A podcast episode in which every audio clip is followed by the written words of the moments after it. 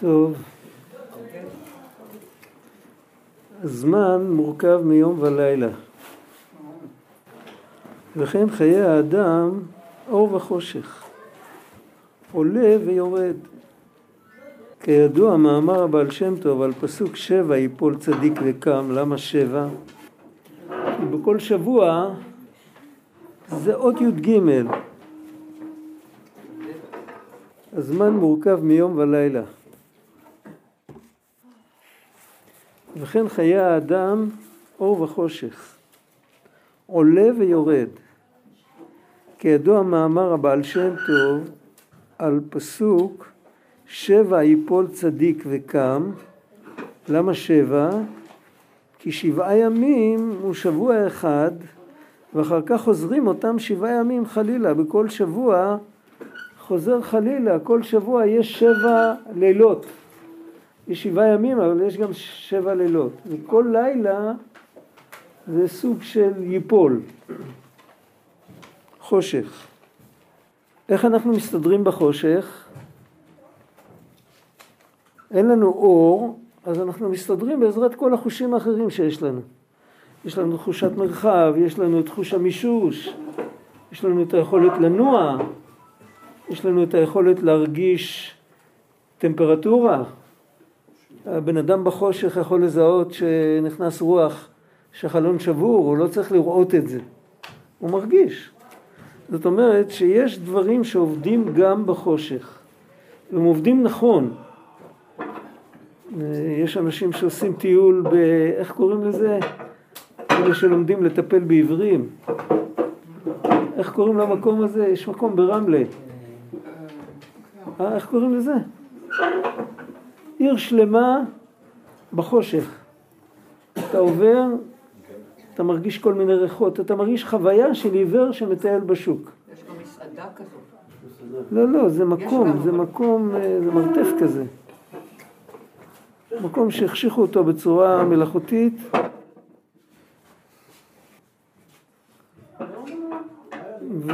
והבן אדם לומד להבין את החוויה של מי שלא רואה כלום. זו חוויה קשה. תכף נראה מה הנמשל מכל זה. אבל, ואומנם גם בעת החושך צריך אור הלבנה, אור הכוכבים. זאת אומרת, בטבע אין חושך גמור. זה החושך שם, זה חושך מלאכותי, כן? בסוף החודש, אם יש עננים, אם מעונן, אז זה כבר החושך הכי גדול שיכול להיות. תחילת, ב... ב... כשאין ירח ולא רואים את ה... אבל, אבל מצד האמת, גם אז יש אור. זה לא, אף פעם אי אפשר להגיע, זה ריבוי אור הדבר הזה. לא בכוונה. זה בדיוק, כן. על זה אמרתי. הבאת המחשה.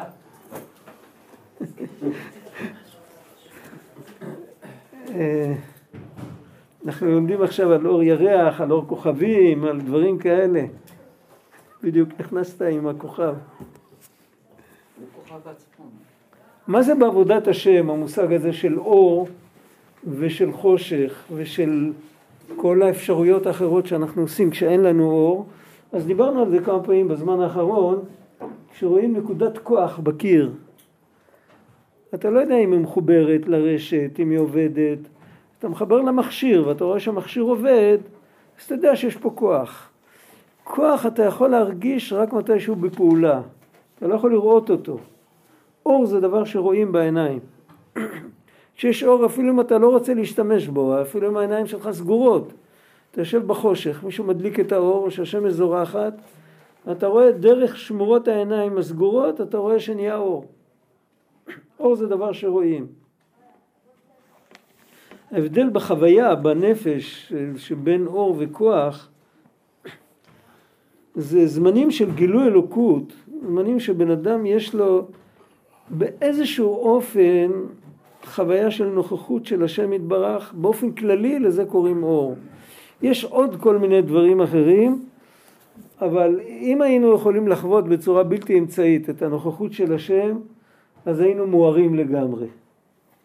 אבל זה לא קורה, זה יקרה לעתיד לבוא, זה לא קורה בזמן הזה, זה קורה, זה קורה למישהו שהצליח לזכך את החומר עד הסוף. אבל מה שכן קורה, בשביל זה יש לנו את התורה.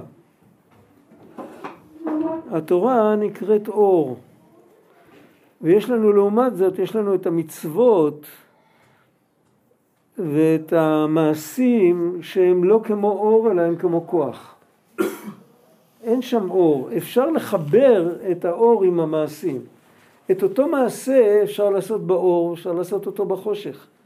אפשר למשש את הקירות ולמצוא את הדרך בחושך.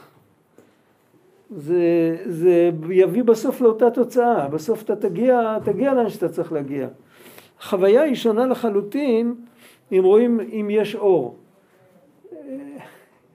נלכדתי פעם במרתף חשוך בתל אביב. מה היה? כולנו היינו שם, קבוצה של חברים, והם הלכו לאוטו, ומישהו האחרון חיבה את האור, זה היה לילה. והדלת הייתה פתוחה, הם לא נעלו אותי. רק. הוא חשב שהוא אחרון, אז הוא חיבה את האור ואני הייתי שם. ולא הכרתי את המקום. אז התחלתי לשים יד על הקירות. הלכתי עד שנתקלתי עם הראש לקיר. התחלתי לשים יד על הקירות. התחלתי לשים יד על הקירות, הגעתי לאיזה מקום, ראיתי שאפשר להיכנס, לצאת. יש, יש פתח. הפתח, הלכתי שם את כל הקירות, וחזרתי חזרה לאותו דלת. עשיתי סיבוב שלם. עד שבסוף אחת הדלתות נפתחה החוצה, בחוץ היה אור. בחוץ היה פנסי רחוב, היה... והרכב עמד שם. והם בינתיים חיכו לי, אני לא יודע מה, אני לא יודע אם חיברו את זה עם זה שיש חושך. שאני... לא תמיד אנשים אה, חושבים עד הסוף, כמו שאומרים. ואז עוד היה לפני עידן הפלאפונים. היום אתה פותח את הטלפון, אז הוא נותן לך אור. ואתה גם יכול להתקשר להגיד, חבר'ה, מי שסגר אחרון, שיבוא וידליק. אז עוד לא היה פלאפונים. אז ככה זה היה. זה, עכשיו, ברגע שנפתחת דלת החוצה ויש אור אחרי כל כך הרבה זמן של חושך וחיפושים, החוויה משתנית באחת.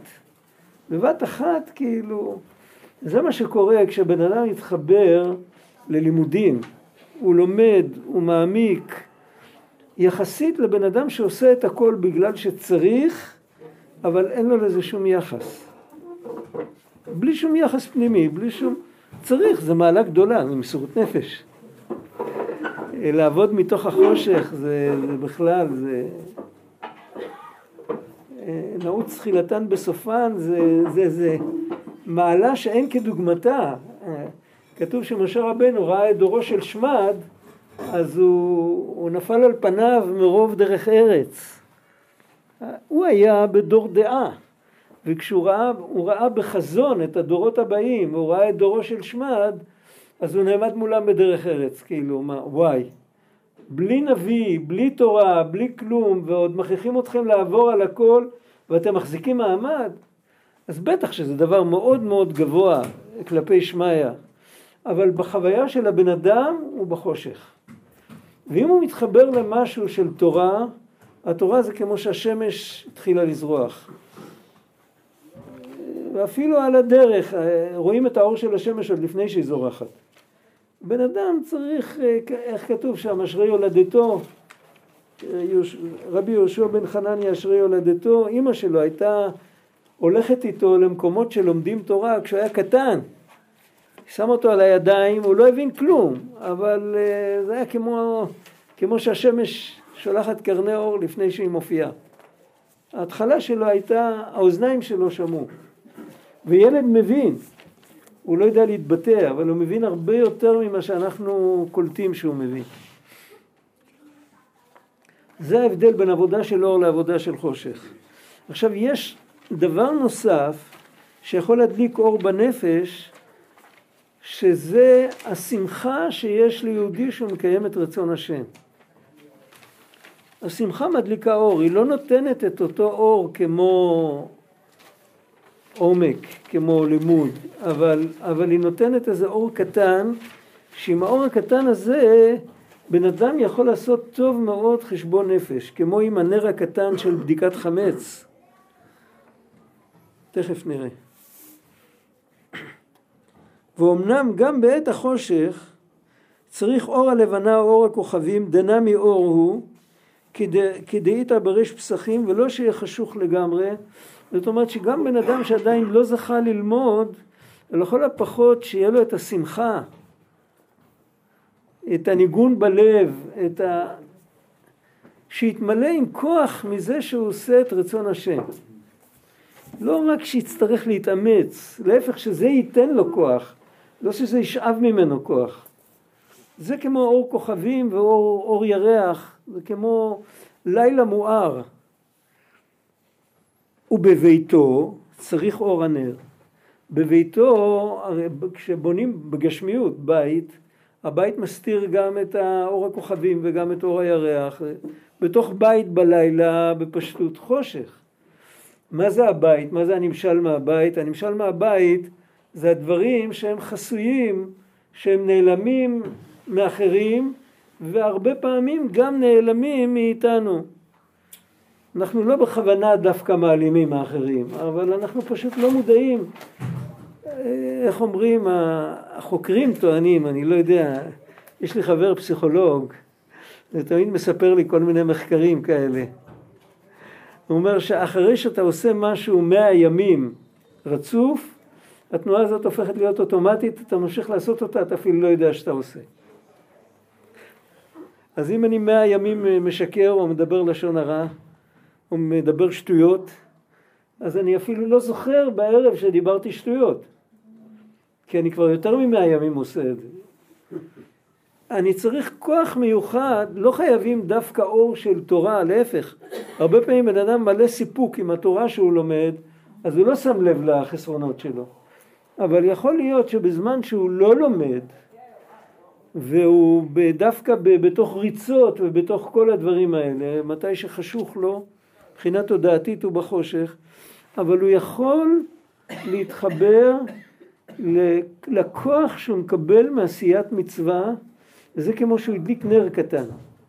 זה, אם מי שמכיר את התורה הזמרה, לחפש נקודה טובה אחת קטנה ולשמוח איתה. זה כמו נר קטן, זה לא כמו שהשמש זורחת, אבל זה נר קטן, והנר הזה יכול פתאום לגרום לבן אדם אה, להרגיש, אה, הוא נותן לו מין פרמטר של התנהגות ראויה, ואז הוא שם לב שהרבה פעמים הוא מתנהג בצורה לא ראויה. ההתנהגות בצורה לא ראויה זה מתחיל, הוא מתחיל לשים לב כמה פעמים עשיתי דברים טובים ואפילו לא שמחתי איתם. כאילו זלזלתי בהם. זלזלתי בנשמה שלי וזלזלתי במעשים שלי. בדיוק כמו שאסור לזלזל באדם אחר, במעשים הטובים של אדם אחר, אותו דבר אסור לזלזל בעצמי ובמעשים הטובים שלי. אז למה אני מזלזל? זה, זה התובנה הראשונה שמגיעה. אבל אחר כך לאט לאט הבן אדם גם רואה שהוא פשוט עושה שטויות, הוא עושה דברים לא טובים.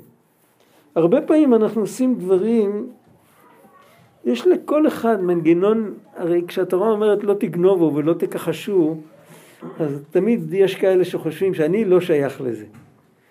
אבל כל אחד יש לו יצר הרע על כל השס"ה לא תעשה, רק לכל אחד ברמה אחרת. יש אחד שיש לו יצר הרע, אם הוא רואה 50 שקל על השולחן, הוא חייב להכניס את זה לכיס. הוא חייב, הוא לא, הוא לא... ויש אחד כזה שהוא, בשום אופן בחיים הוא לא יעשה את זה. זה מופרך אצלו לחלוטין. אבל יכול להיות דברים אחרים שהם מאוד דומים לזה, אפשר להיות גנב בלי לגנוב. אה, כמו גניבת דעת, כמו אה, לפעמים...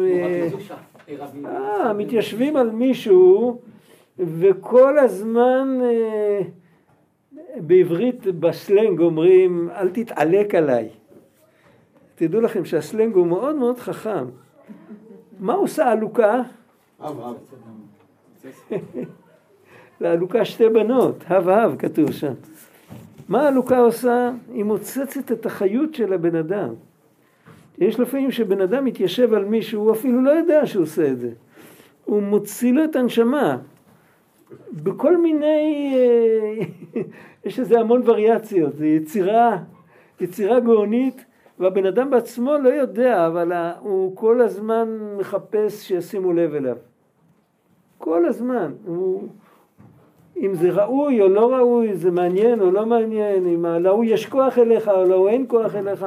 יש מישהו שתמיד יש לו כוח אלינו, זה השם יתברך. וכשרע לנו, במקום למלות את המוח לאנשים אחרים, צריך להתפלל אליו. והוא אף פעם, זה כתוב בתנ"ך, כתוב אותי עזבו מקור מים חיים, למדנו על זה בעבר. לחצוב להם בורות נשברים אשר לא יכילון המים. התודעה האנושית זה בור נשבר אשר לא יכילון המים. והאמת זה אינסופית, הקדוש ברוך הוא זה אמת אינסופית, ותמיד הלב שלו פתוח והוא תמיד יכול להקשיב לכולם. אם הוא לא עונה לנו, סימן שאנחנו עדיין לא צריכים לקבל תשובה, אבל אנחנו צריכים להמשיך בסבלנות. והנקודה הזאת היא הרבה פעמים, זה, זה לא חטא באופן רשמי. להתבכיין למישהו בראש זה לא חטא. יש אפילו פסוק שממליץ, דאגה בלב איש, כתוב שם ישכנה. יש דרשה של חז"ל יסיחנה ויש בזה מחלוקת אם הכוונה יסיחנה מדעתו או יסיחנה לאחרים. לפעמים בן אדם צריך, כשהוא הולך לקבל עזרה, הוא צריך לשים את כל הלב שלו, לשפוך על השולחן את כל מה שכואב לו, זה נכון. אבל זה, זה כשהוא הולך לקבל עזרה, ומיד אחרי שהוא גומר לשפוך את הכל, לעשות ככה ולנגב את זה, ו... אבל מה שרציתי להראות, שיש לפעמים שאנחנו עושים דברים שאנחנו בכלל לא חושבים שעשינו משהו לא טוב. וברגע, ואנחנו לא יודעים מזה. ויכול להיות גם דבר הפוך, שבן אדם פתאום, אה, הוא איננו. יש לו דודה זקנה, שהוא צריך להרים אליה טלפון כל שבוע לפחות להגיד שבת שלום, הוא פשוט שוכח. יש דווקא בין אדם לחברו, בין אדם למקום כשבן אדם חוטא הוא יודע בדרך כלל. אבל בין אדם לחברו, אז יש כל כך הרבה חברים שזה כבר, כאילו מה, אני חטאתי נגד אחד שהוא אחד חלקי, כמה אזרחים יש בכדור הארץ? כאילו מה רוצים ממני? מה, אני הבן אדם היחיד בשטח? והבן אדם לא שם לב. עכשיו לעומת זאת, מתי בן אדם לא שם לב? מתי שהוא כל כולו בתוך החושך. אם יהיה לו נר קטן שמאיר לו, זאת אומרת יהיה לו טיפ טיפה שמחה על זה שהוא זכה, שלא יזלזל בעצמו, הוא לא יזלזל במעשים הטובים שלו. יש לו טיפ טיפה שמחה על זה שהוא עשה מצווה. מצווה קטנה, לא, הוא נתן אה, צדקה שקל, עשר אגורות. אבל הוא שמח, אם יש לו את השכל להבין שזה לא מובן מאליו, שיש לו כל כך הרבה אחים ואחיות שלא מודעים לזה שיש מצווה כזאת והם אף פעם בחיים לא קיימו את המצווה הזאת. והוא זכה, אנחנו נראה את זה בקטעים הבאים, שהוא כותב שבן אדם שעושה מצווה, הוא צריך להתייחס לזה כאילו שהוא מצא מציאה. מציאה שבאה לו בסך הדעת. זה לא מובן מאליו שאנחנו עושים דברים טובים, שאנחנו מקיימים את רצון השם, שאנחנו מתייחסים נכון ל... ואהבת לרעך כמוך, זה לא מובן מאליו. אין מנגנון שמבטיח את זה, אנחנו צריכים לבחור בזה, וכל פעם שאנחנו מצליחים לבחור בזה, אז אנחנו מקבלים כוח, מהמצווה אנחנו מקבלים כוח וגם שמחה. שמחה היא לא דומה לכוח, שמחה דומה לאור. למרות שאין לנו את האור של התורה, אבל יש לנו את ה... בשביל זה המצווה נקראת נר, נר נותן אור. הוא לא נותן הרבה אור, אבל הוא נותן אור. ועם הכוח הזה, עם, ה, עם האור הקטן הזה, אנחנו יכולים לזהות את המקומות שבהם אנחנו מזייפים. ועל זה הוא מביא את הדוגמה מבדיקת חמץ. בדיקת חמץ אתה לא הולך עם לפיד, אתה הולך עם נר. הלפיד יסנוור אותך, לא תראה כלום. גם על נר הרבה פעמים צריך לשים יד ולראות את האור של הנר ולהסתיר את הלהבה. זה ברור. זאת אומרת שזה לא יהיה יותר מדי אור, אתה צריך לראות את האור, לא את הנר, לא את המקור של האור, כמו שלא מסתכלים בשמש. אז אותו דבר כמו שמוצאים את החמץ, ואיפה החמץ נמצא? באמצע החדר מטאטאים, אז אין כלום. איפה, איפה מוצאים חמץ? תחת לארון, אה, נשבר שם איזה קופסה עם חיטה, ואחרי זה שטפו כמה פעמים, וזה הכל החמיץ כבר מזמן, וזה כבר, יכול להיות שזה כבר חמץ שעבר עליו, לא יודע מה. יכול להיות שזה כבר לכלוך, אבל יכול להיות שזה עוד חמץ. אז במקומות האלה, אצל הבן אדם זה גם אותו דבר. במשהו, במוצר או מתעסק בו, בדרך כלל אין בזה, אין מה לחפש שם. אבל בכל הדברים האלה שהוא לא שם לב אליהם, שם הוא צריך לחפש. תראה מה זה, ברגע שקמת הוא הפסיק. אה. הילדים מתגרים בו? עם הכדור, לכלב. אה, מרגיזים אותו.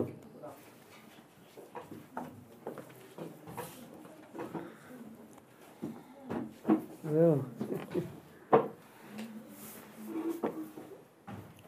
אז הדברים שהבן אדם לא שם לב, המצ... השמחה של המצווה מעוררת לו את הלב מספיק כדי שישים לב ויתקן את דרכיו. אז יש לנו, יוצא ככה, שלוש קבוצות של אור, אור השמש, אור ירח וכוכבים, הוא לא מחלק ביניהם, והוא נותן את כקבוצה אחת, ואור של נר. אור של נר זה השמחה מזה שעשיתי מצווה. אם אני זוכה ללמוד תורה זה כמו אור השמש, ויש משהו באמצע שזה כמו אור הכוכבים ועל זה הוא עוד לא דיבר. אז יש כאן סוגריים, ואחרי ובביתו צריך אור הנר, אז הוא מסביר, הוא כותב בסוגריים מה זה אור הנר בתוך הבית, בתוך הנפש, מצווה. ואור תורה זה שמש. ושמש הוא מגן, כתוב שם י"ק ו"ק, זה פסוק בתהילים, זהו תורה לשם שמיים. ומה הכוונה? בבהירות הכרת שם שמיים. שיהודי מכיר, יש לו הכרה, צריך להבין את זה, זה רמה באמונה, יש לו הכרה שהתורה שהוא לומד זה תורת השם. יש לנו בדרך כלל, כתוב בספרים, שיש שלוש רמות באמונה. יש אמונה שהיא ידיעה ברורה שזה כך, זהו. בלי, יש אמונה שיש בה המון רגש, שהאמונה גורמת לאדם שמחה. כמו שדיברנו קודם על המצווה שעושה אותי שמח, זה בכוח מה, איך מצווה יכולה לשמח אותי? בגלל שאני מאמין שזה דבר טוב, שזה דבר חשוב, שזה דבר שעושה טוב לכל העולם וזה עושה נחת רוח להשם יתברך. זה רמה יותר גבוהה באמונה. בן אדם שמחזיק רק באמונה שהוא יודע שזה טוב, הוא עושה את זה אז הוא מתאמץ לעשות את זה. יכול להיות שהקדוש ברוך הוא מאוד נהנה ממנו, אבל הוא לא, לא נהנה בכלל, הבן אדם. אבל אם הבן אדם יש לו אמונה שהיא רמה יותר גבוהה, שיש בה הרבה רגש, אז הוא מקבל שמחה ממה שהוא עושה. ויש אמונה יותר עליונה שהיא מלאה הכרה. הכרה זה משהו, זה סוג של חיבור פנימי. זוכרים שדיברנו על זה, אה, שיש לפעמים שבן אדם שואלים אותו, תוכיח לי שיש אלוקים, אז הוא מרגיש כאילו שיגידו לו, תוכיח לי שבלילה לא החליפו אותך. זוכרים שדיברנו על זה? זה הכרה, זה הכרה, זה לא שעברתי איזה סמינר והוכיחו לי פילוסופית שיש אלוקים. זה משהו שפשוט, זה חלק מההוויה של האדם. אם זוכים לאמונה כזאת, זה הרמה העליונה, ואם לומדים תורה עם אמונה כזאת, עם אמונה של שכנוע פנימי עמוק שזה אלוקי, התורה הזאת היא הופכת בנפש כמו שמש. סתם בן אדם לומד סוגיה, אז יכול להיות שזה לא מאיר לו בכלל. אבל זה מה שהוא כותב, בבחינת הכרת שם שמיים. זה מושג של הכרה. צריך להבין את הטרמינולוגיה שלהם, הם דיברו בקודים, אבל ההכרה אצל רבי צדוק זה דבר מאוד גבוה. אנחנו, כשאנחנו מדברים על הכרה, אנחנו מדברים על תודעה. זה לא הדבר, זה לא הדבר שהוא מדבר פה. תודעה אפשר לשנות, אפשר להתווכח, אפשר... הוא מדבר על הכרה, זה לא בעברית שלנו, זה משהו אחר לגמרי. זה דעת שנוגעת בכתר, באינסוף. וזהו, בו אוהביו, זה גם המושג העמוק של דעת, נגענו בזה טיפ טיפה בסוף השיעור הקודם. זה לא שכל, זה משהו הרבה יותר עמוק. וזהו, ואוהביו כצאת השמש.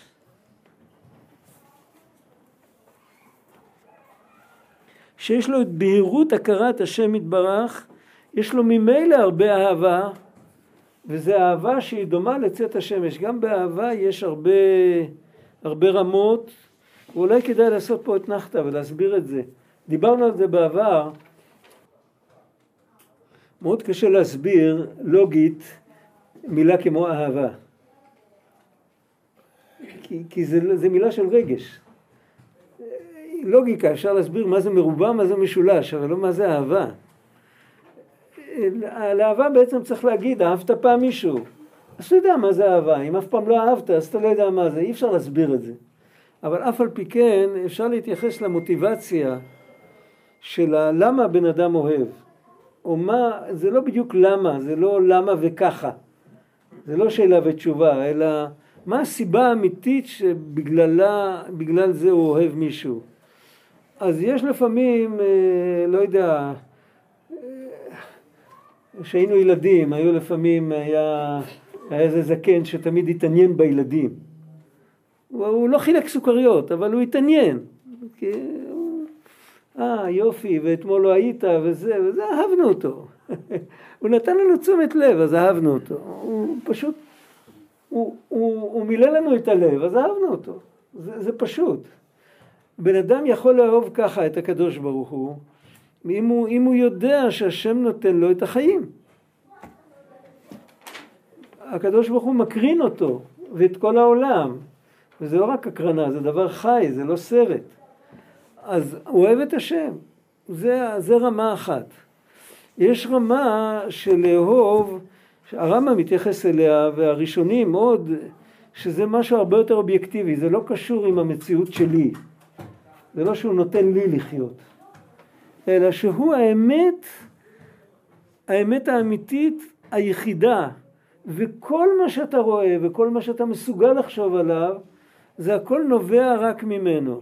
אם יש מישהו לאהוב, אז זה אותו. אם לא, אז כלום. אז את אף אחד. כי הכל בא ממנו, והכל חוזר אליו. זה אהבה שבאה מתוך הכרה, מה שהוא מדבר עליה פה. ועל זה כתוב, אוהביו כצאת השמש. אוהביו האמיתיים, לא אחד שאוהב את עצמו, שאוהב את השם כי טוב לי איתו. תודה רבה. רק הוא אוהב את השם באמת. אז אצלו מאיר משהו שדומה לשמש. השמש נותנת לך אור בלי, זה לא נר, זה לא כוכב, זה לא... זה משהו שלא מתייחס אליך באופן פרטי. אתה מבין שבלי זה אי אפשר לחיות. והדבר האחרון זה הכוכבים והירח. אז הוא מביא על זה פסוק מדניאל, ממש סוף התנ"ך, ומצדיקי הרבים ככוכבים, שלומדים תורה נגלה לרבים. הם מצדיקי הרבים ככוכבים. מה מעלה בכוכב יחסית לנר? מעלה פשוטה, הוא הנר, אה, אתה מדליק אותו, אחרי חצי שעה הוא נגמר. הכוכב, מחר בערב תראה אותו עוד פעם. זאת אומרת, זה משהו שאפשר לסמוך עליו. הכוכב גם, אפשר לסמוך על הכיוון שהוא נותן. זאת אומרת, תמיד יש בתורה משהו שהוא יותר מאשר הנר. אבל עדיין המצדיקי הרבים ככוכבים לא משדרים את השמש, הם משדרים את הכוכבים. הם לא משדרים, זה, לשמש בן אדם צריך להגיע לבד. זו עבודה אישית, אם הוא, אם הוא, אם הוא יתעלה ויזדכך, אז הוא יראה בתוך התורה אור גדול כמו שמש. זה כתוב בתורה הראשונה בלקוטי מאורן, שלפעמים, הוא ממשיך על זה פה, הוא, הוא, אחד מהמקורות של רבי צדוק זה הליקוטי מאורן. כך כתב אחד מהמאדירים של, ה, של הספר, הוא רב גדול. אז uh, הוא ממשיך הלאה, שלפעמים השמש דוקרת בעיניים וחייבים משהו ש... חייבים איזה וילון או איזה מסך או משהו, אבל בכל מקרה התכלית זה שהחוכמה תאיר לאדם כמו השמש. וכדי לגלות את החוכמה שיש לו בנפש, הוא צריך את החוכמה של התורה. אז יש את הקצה הזה, ויש את הקצה של השמחה עם המצווה, שזה כמו הנר הקטן, ויש באמצע יש את האור של הכוכבים, שזה גם תורה, אבל לא על רמה כזאת שזה כבר מאיר לו כמו השמש. זה כמה שזה מאיר לכל אחד, וכל יום זה משתנה גם. יום אחד יש ענן, אז לא רואים את הכוכבים בכלל. יש כוכב, שיש מקומות ב...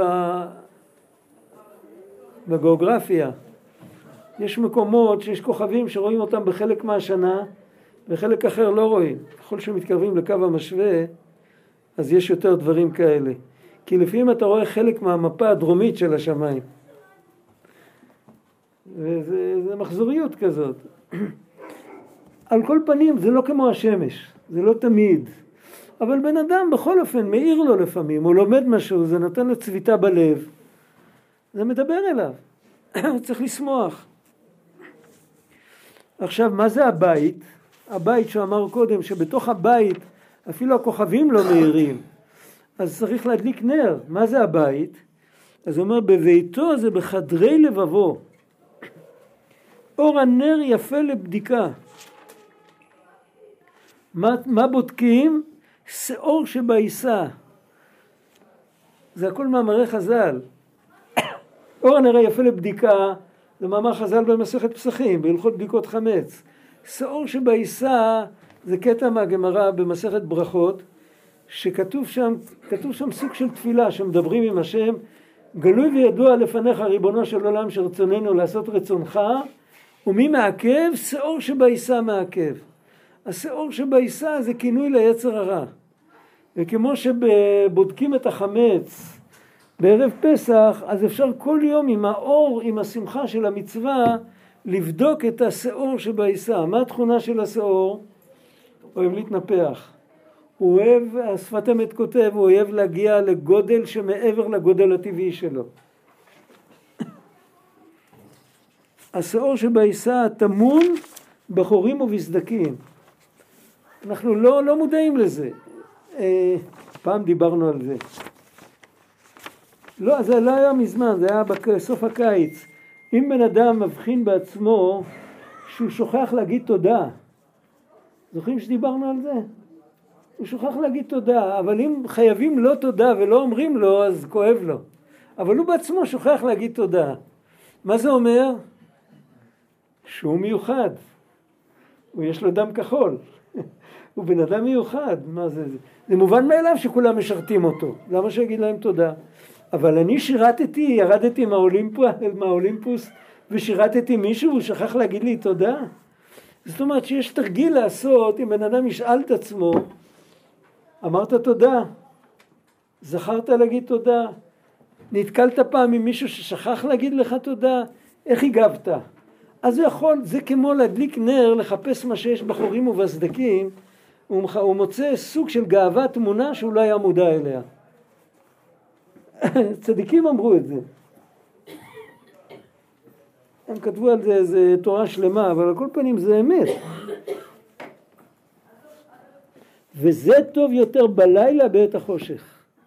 צריך לנצל את הזמן של החושך של התודעה, מתי שלבן אדם חשוך ושום דבר לא קורה איתו, שום דבר לא זז, אז זה זמן להדליק נר של מצווה, זאת אומרת לשמוח, לחפש נקודה טובה, לשמוח שמחה קטנה, אבל אמיתית, מדבר טוב שבכל אופן עשיתי, ועם זה להתחיל לחפש, לראות איפה, יכול להיות שעד עכשיו לא שמחתי, אני יכול לזהות גאווה בעצם זה שעד עכשיו לא שמחתי, אני יכול לראות את השאור, את ה... למה לא שמחתי? כי זה, זה קטן עליי. מה, אני צריך לשמוח מכל דבר? אני צריך לשמוח, אם אני אהיה לי גילוי אליהו, אני יודע מה, תבוא אליי נבואה מאת השם, אני אשמח. אבל כשזכיתי, אני לא יודע, לעשות דברים קטנים, יש לי מה לשמוח. אני כזה גדול. יש עוד הרבה גדולים, אנחנו לא הגדולים היחידים. אם, אם יהודי מרגיש לשמוח עם כל דבר טוב שהוא עשה, אז יש לו את היכולת לזהות את הדברים שמנעו ממנו את השמחה עד עכשיו. ובדרך כלל הדברים שמנעו ממנו את השמחה היו הקליפות. לא לשמוח ממצווה הסמ"ם א' ל', כולם יודעים מה זה. איך, איך אמר, מי אמר את זה? רבי אלימלך? אני לא זוכר, מי אמר את זה? סעודת מצווה אל תעשה. זה לא לפי סדר, אבל אה, זה כאילו, מה, תפסיק לרקוד ולשמוח מכל דבר. מה אתה כזה ילד קטן? מה אתה בן אדם מבוגר, מיושב? מה אתה שמח? אז זה, זה הסימן של הקליפות. משמחה הם פוחדים. שמחה נותנת לאדם כוח, נותנת לאדם פתיחות. בן אדם בלי שמחה זה כמו בן אדם בלי מחזור דם. ממש. זה, זה... וזה יותר טוב דווקא בלילה בית החושך שעה זוהר הנר, מה שאין כן ביום אין מאיר, דשרגא בטיהרא מה יהנה, הוא לא מביא את סוף המשפט. נר בצהריים לא עוזר הרבה, טיהרה זה אחד מהמילים שמתארים צהריים. אם תהפכו את הטט לצדיק אז תמצאו את הקשר, זה כמו ציהרה, כמו צוהר, צהריים. נר בצהריים הוא לא משמעותי ואפילו במקומות בתוך הבית שאין אור מדליקים נר, בלילה האור מאיר יותר טוב מאשר ביום. ואף במקום חשוך אין מאיר כל כך. בזמן שהשם שמיים נגלה על כל פני העולם קטן, אין נר מצווה חשוב לכלום. לפעמים בן אדם, הוא, הוא, יש לו, נפתח לו איזה משהו, ומאיר לו אור גדול, אבל אז הוא לא, הוא, עם האור הגדול הזה הוא לא יראה את החסרונות שלו. כי עכשיו זה לקח אותו למקום, יכול להיות שזה גאולת הנפש. יכול להיות שהוא לא יחזור למקומות הלא טובים, אבל הוא לא יתקן את העבר. יש שיטה כזאת בעבודת השם. אני זוכר uh, סיפור מלפני המון שנים. יהיה זכרו ברוך הרב שטיינזלץ, הוא אמר לי פעם, היה פעם בפורים, ש... לנו שנינו היה את אותו משפיע, למדנו את אותו יהודי, הוא היה שם קודם ואני הייתי בצבא, אני הגעתי אחר כך, הוא כבר לא היה. אז אבל למדנו אצל אותו אדם, והוא באמצע פורים, רקדנו בפורים, היה, הוא הגיע פעם פורים לבתיים, אצלו היה פורים בט"ו, אצלו היה פורים בי"ד. באמצע כל הזה הוא תופס אותי הצידה ואומר לי, תגיד לי, אתה זוכר את רבי שלמה חיים בפורים? אמרתי לו, כן. הוא אומר, רחמנות על החברה האלה, אין להם, אין להם אפילו במה להיזכר. ואז הוא משך אותי ואמר לי משהו, הוא אמר לי משהו מאוד, אה, מאוד חריף. זה דרך, יש דרך כזאת, ולפעמים צריך ללכת עם הדרך הזאת. הוא אמר שעל כל הנושא של קדושה, של ברית, אנחנו לא מדברים, ואנחנו אפילו לא אומרים שאנחנו לא מדברים.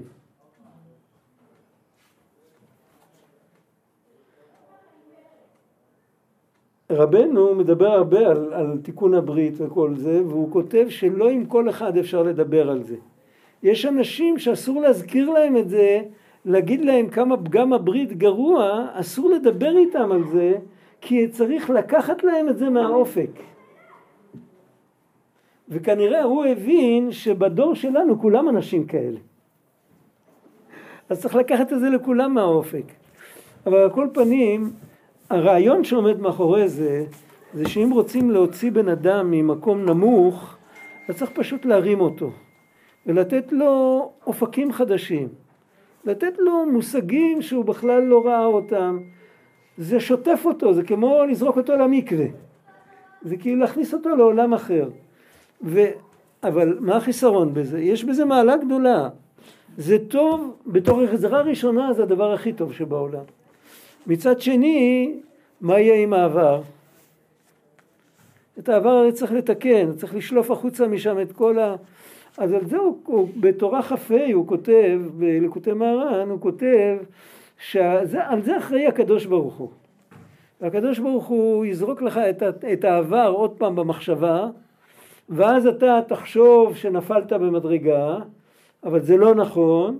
כתוב שהמילים, ובזה טועים החסידים הרבה. זה מאוד נדיר ביטוי כזה. והם חושבים שאם זה עוד פעם מתחיל להתנגן להם, הניגון הישן, אז סימן שהם כבר, הם לא באותו מקום. הוא אומר, זה לא זה, זה בכלל לא מתחיל, זה, זה בא לך עוד פעם, אך אתה לא שייך לזה, רק מה, כדי שתתפלל להשם שזה יימחק, אז מזכירים לך את זה עוד פעם. אבל בעצם, עצם זה שהרימו אותך, היום בדור שלנו, עם כל כך הרבה בלבולים שיש, אז זה כמעט נשאר הדרך היחידה שיכול להיות, שזה באמת מרים את האדם, זה כמו פרוז'קטור. יכול להיות שהרבה דברים קטנים הוא לא יראה. אז זה כאילו נזק. אבל הוא מציל את החיים שלו. מתי שיורים עליך, אתה לא חושב שאני יודע, נפל לך ארנק. יש דברים קטנים שצריך לשמור עליהם, אבל לא תמיד. אז זה מה שהוא אומר, הוא אומר ככה, מתי שהעונה היום מאיר, אז לא תמיד רואים את הדברים, את כל הדברים העקומים שעשיתי. ולפעמים זה הדרך. אבל אם בן אדם חוזר לחושך, זה כמו שהוא אומר שם, שעוד פעם מתחיל להתנגן כל הניגונים העתיקים, הפכו את התקליט לצד שני, מי שזוכר שהיה פעם תקליטים. זוכרים שהיה פעם תקליטים. היו הופכים את התקליט, היה מתחיל מההתחלה, חצי תקליט היה מוקלט בצד הזה וחצי בצד הזה, היו הופכים את התקליט. אז פתאום מתחיל להתנגן לי ניגונים מ- מלפני חמישים שנה.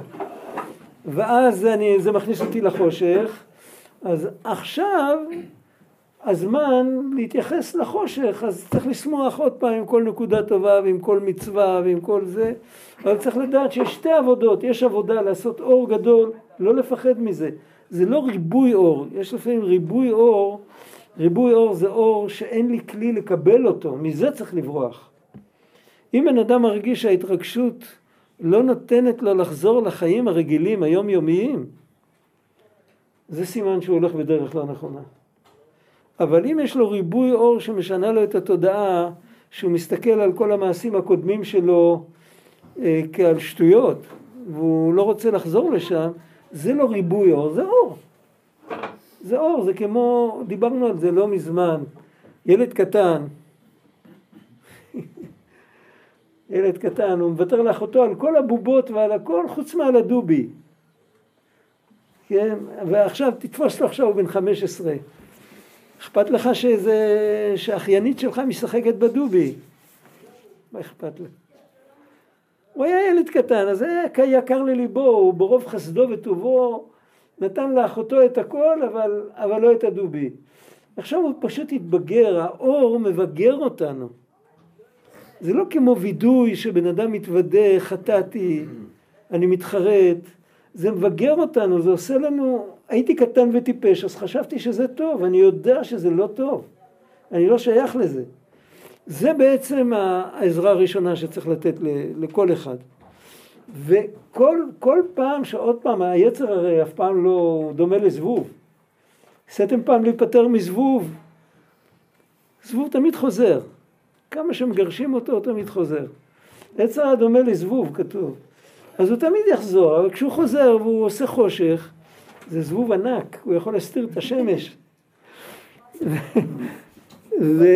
ו... אה?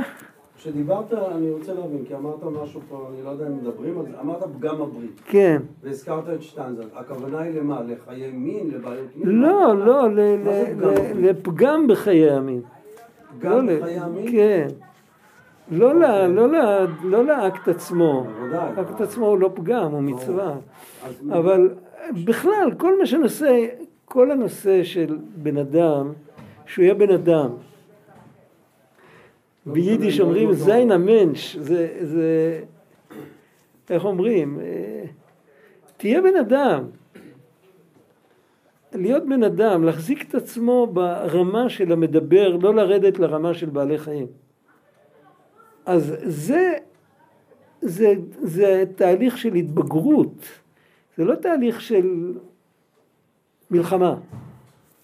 ולכן הדרך זה הלימוד, התודעה, ההתבוננות העמוקה, עוד ספר, עוד להיפתח.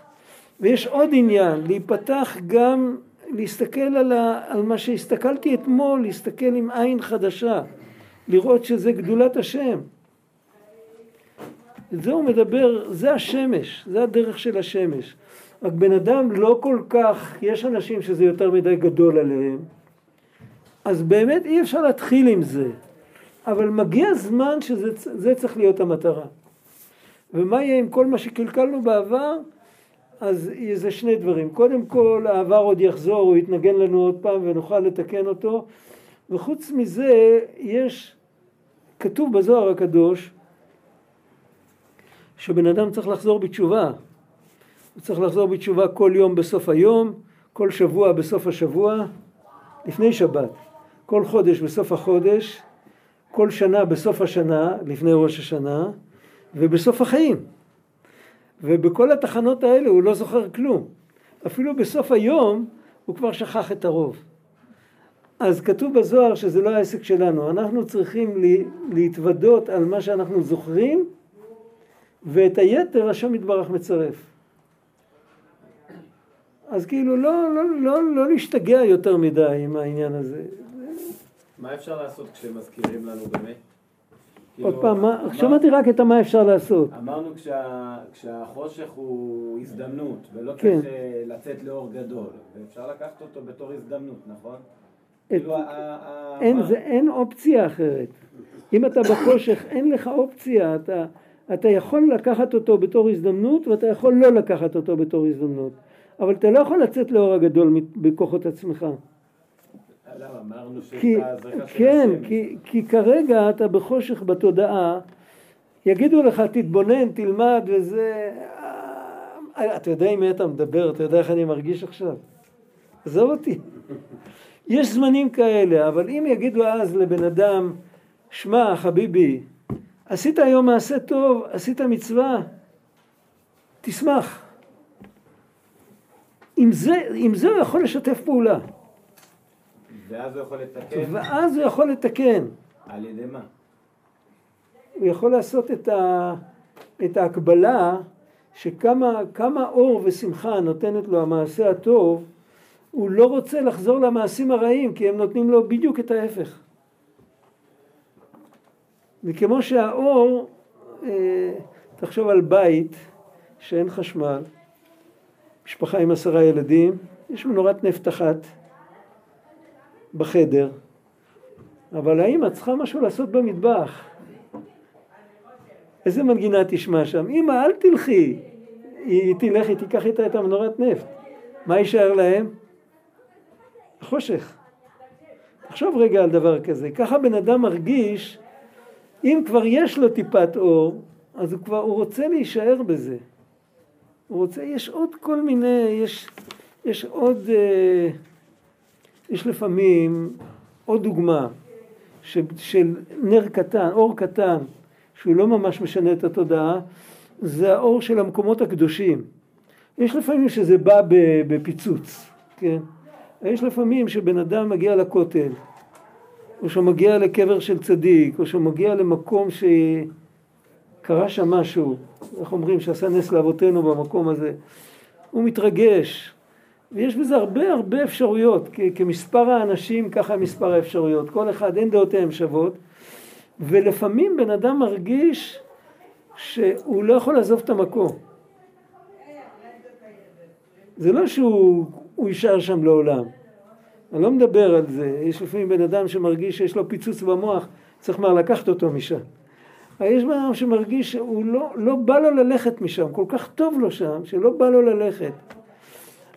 צריך לנצל את זה, זה לא אור תודעתי מי יודע מה, אבל זה תחושה.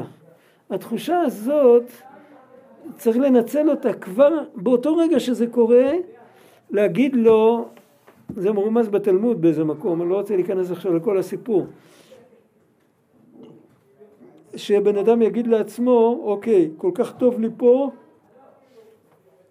אני רוצה לזכור את זה מתי שאני אחזור הביתה. שכשאני אחזור הביתה אני לא אחזור לשטויות שעשיתי שם. הזיכרון כמה טוב לי עכשיו פה, שתיווצר זיקה בין הטוב לי עכשיו, שלא, יבוא, שלא תבוא השכחה ותמחק את הכל. בשביל זה צריך רגע של קצת אור. אם בכלל הבן אדם לא מאיר לו כלום, לא טוב לו, אז אין לו, אין לו עם מה ללכת, הוא בחושך. זה ברור, זה אומרים אה, פחות או יותר.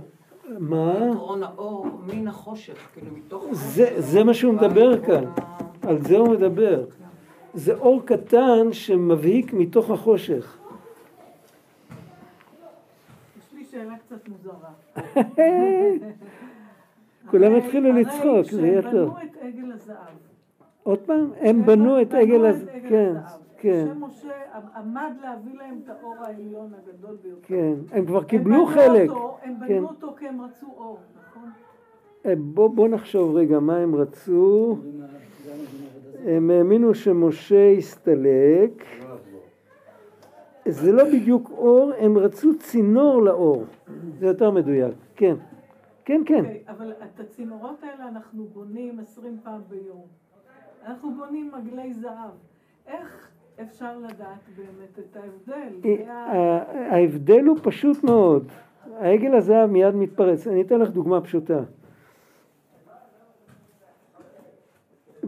בתנ"ך כתוב, זה פסוק מעניין, פסוק מאוד מאוד נדיר. לי הכסף ולי הזהב אמר השם צבאות. למה, למה זה צריך להיות כתוב, כאילו, רק הכסף והזהב שלו, האוויר, החמצן לא שלו, מה? אחרי כסף וזהב אנשים רצים. וכסף וזהב זה לאו דווקא כסף וזהב בגשמיות, זה יכול להיות כסף וזהב, וזה יכול להיות אה, כבוד, זה יכול להיות הערכה, זה יכול להיות, זה כל, כל מיני דברים שהם כסף וזהב. וזה זה ממש דומה לפסוק שהזכרתי קודם, אותי עזבו מקור מים חיים, לחצוב להם בורות נשברים. לי הכסף ולי הזהב. אתה רוצה כוחות, אתה רוצה הערכה, אתה רוצה, אתה רוצה להרגיש טוב, תבוא. תבוא, ניתן לך. איפה בן אדם מחפש את כל הדברים האלה? הוא מחפש את זה במקום שזה לא נמצא. ביידיש היום מספרים בדיחה, זו בדיחה מאוד חזקה, על הליצן התורן ביידיש קראו לו חויזק. לא יודע למה, למה קראו לו ככה, אני לא יודע מה זה, חויזק. והם מספרים שהוא הולך ומחפש. מחפש, מתכופף, מחפש, אומרים, מה קרה לך חויזק? הוא אומר, נאבד לי ארנק. זה בלילה, בערב. ויש פנסי רחוב, והוא מחפש מתחת לפנסים וזה. חויזק, איפה נאבד לך ארנק? זה כמו על מול הנצר הדין, משהו כזה, אה, הקבלה כזאת אירופאית. איפה נאבד לך, איפה נאבד לך הארנק? ברחוב ההוא. אז מה אתה מחפש פה? פה יש פנסים, פה יש פנסים. שם החושך, מה אני אלך לחפש בחושך? ככה אנחנו עובדים. ככה אנחנו עובדים. זה חוסם אותנו להתחבר לקדוש ברוך הוא, כי אנחנו כל הזמן אחרי התחליפים. אם אנחנו לא נלך אחרי התחליפים, אז בסוף אנחנו נחפש איפה שאיבדנו. ו- ויש את זה, רבנו מדבר על זה הרבה בלקוטי מהר"ן, על, אה, על, אה, על חיפוש אבדות ועל מציאת אבדות, כל הסיפור של אבדת בת מלך, זה הכל מסביב לדבר הזה. ובן אדם צריך לדעת שגם המוטיבציה שלו וגם הכוח לחפש, הוא צריך לקבל מלמעלה. תחילת הסיפור של אבדת בת מלך כתוב שהמשנה למלך יצא לחפש בגלל שהוא ראה שהמלך מצטער. לא בגלל שהוא חשב לקבל צל"ש, הוא ראה שהמלך מצטער. אז זה המוטיבציה. וגם העקשנות שלו והנחישות, אני יודע שבוודאי נמצא, זה מראה על אמונה, אבל הוא, הוא מרגיש שיש פה איזה עניין מעל הטבע. משם הוא לוקח את הכוחות שלו. האם בן אדם מנסה כל מיני, בתוך ה... ויהי כל מעלה, רק השפע מקבלים מלמעלה. השפע עובר דרך כל מיני עניינים. אז מותר לבן אדם לעשות כלי לפרנסה, אבל ללכת ל... שכולם ידעו שזה אני וזה, מה, בשביל מה? מה? מה יש לך מכולם? אבל בעניין עגל הזהב, אה? בעניין עגל הזהב הזה, מי שהיה קבלן לעניין הזה זה היה אהרון. אוי, קבלן. את, את יודעת כמה הוא בכה אחר כך? בכה בכה, אבל הוא יצר את זה. הוא היה אנוס. איי. היה אנוס. היה נו, בסדר, אבל על כל פנים. על כל פנים, ה- ה- הנקודה היא, זה מתחיל, זה מאוד קשה, השאלה היא מאוד קשה, היא לא מוזרה, היא מאוד קשה, כי את מכירה את התנועה הזאת? שצריך להזיז מכונת כביסה כבדה ונמצאים לבד בשטח, לא ישר. לא לדחוף ישר, לדחוף על העוקם וכל פעם להעמיד, לה- להעמיד את החיכוך. ככה אנחנו עושים הרבה דברים, יש לנו, שאנחנו מתחילים, אנחנו מתחילים עם פסיעה אחת קדימה, פסיעה אחת קטנה, ואחרי זה עושים פסיעה אחת באופן אחר. פסיעה אחת קטנה זה באופן המעשי, כאילו לקבל החלטה, אני לא זיהיתי שזה עגל ושזה זה, אני לא משתף עם זה פעולה. אבל במקביל צריך ללכת גם עם דרך של להביא הרבה אור לתודעה ולראות את האמת ולראות מאיפה השפע באמת מגיע. ולא שמחר אני עוד פעם אשכח את ההחלטה שלי ואני אלך עוד פעם לשם. אז אם עובדים על שני הדברים במקביל אז אה, איך שרים? ימין ושמאל. ככה זה עובדים על שני הקווים יחד. השמאל זה העבודה של הגבורה של ה... בכוח והימין זה החסד זה, זה מביא הרבה אור צריך לעבוד על שניהם. אי אפשר רק אי אפשר לקפוץ על רגל אחת כל הדרך. בואו נראה איפה השעון. הרב גד, אני עוד, עוד לא גמרנו כן. אה, רבי נחמן מביא איזשהו סוג של עבודה שבן אדם, שבן אדם נמצא בשמחה גדולה כמו בחתונה או משהו ואז דווקא ייגע בחושך. זה כתוב הכי טוב אם אתה רוצה להבין את זה תסתכל בחובת התלמידים בסוף פרק ח' בדף האחרון של פרק ח' שם הוא מתאר והוא כותב שאי אפשר לנגוע בחושך בלי להיות בשמחה גדולה. זה הזדמנות לנגוע בחושך אבל הוא מדבר על שמחה הוא לא מדבר על, על הכרה עליונה ועל, אתה מבין, הוא מדבר על שמחה ועל מצב רוח טוב ואז הוא יכול לראות יותר טוב באיזה זבל הוא היה מונח. גם רבי נחמן אומר את זה על מוחין כן, דגדלות, כן, כן. שבמוחין דגדלות רק אפשר לתקן את המוחין. נכון, אבל לא מוחין דגדלות כאלה שלבן אדם כבר בכלל לא, העולם נמחק. זה יותר מדי. אוקיי, יש כאן, חילקנו את זה לשלוש, צריך לחלק את הכל לארבע, ואז נקבל מודל, איך, אבל הזמן עבר. אה, אנחנו נשאיר את זה פה בסוף הסוגריים. איפה שכתוב, אה, אם יש לכם את ההעתקה, בזמן שהשם שמיים נגלה על כל פני העולם קטן, זה האדם אין הר מצווה חשוב לכלום. ונראה, הקטע האחרון הוא קטע יותר קשה, השם יעזור שנצליח לפענח אותו.